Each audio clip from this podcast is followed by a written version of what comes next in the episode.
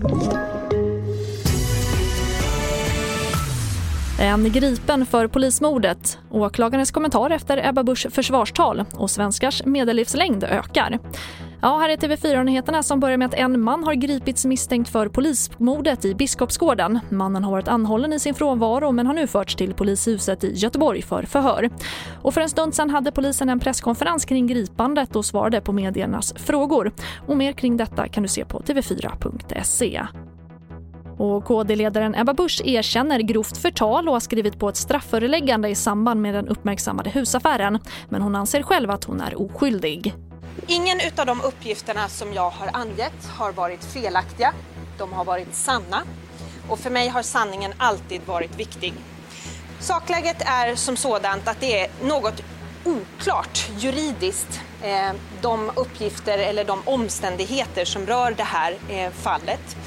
Eh, och det saknas juridisk praxis för hur man ska se på uppgifter som en person har angett om sig själv men som ligger bakåt i tiden men samtidigt finns fullt tillgängliga idag på internet.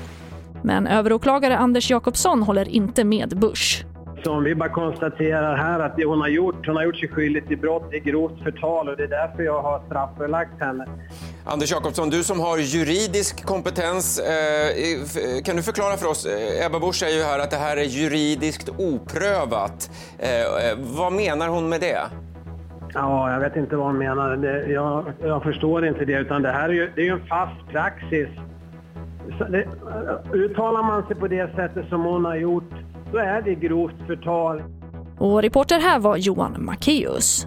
Och vi avslutar med att svenskarnas medellivslängd har ökat senaste tioårsperioden och skillnaderna mellan kvinnor och män fortsätter att minska. Men samtidigt ökar skillnaderna mellan låg och högutbildade.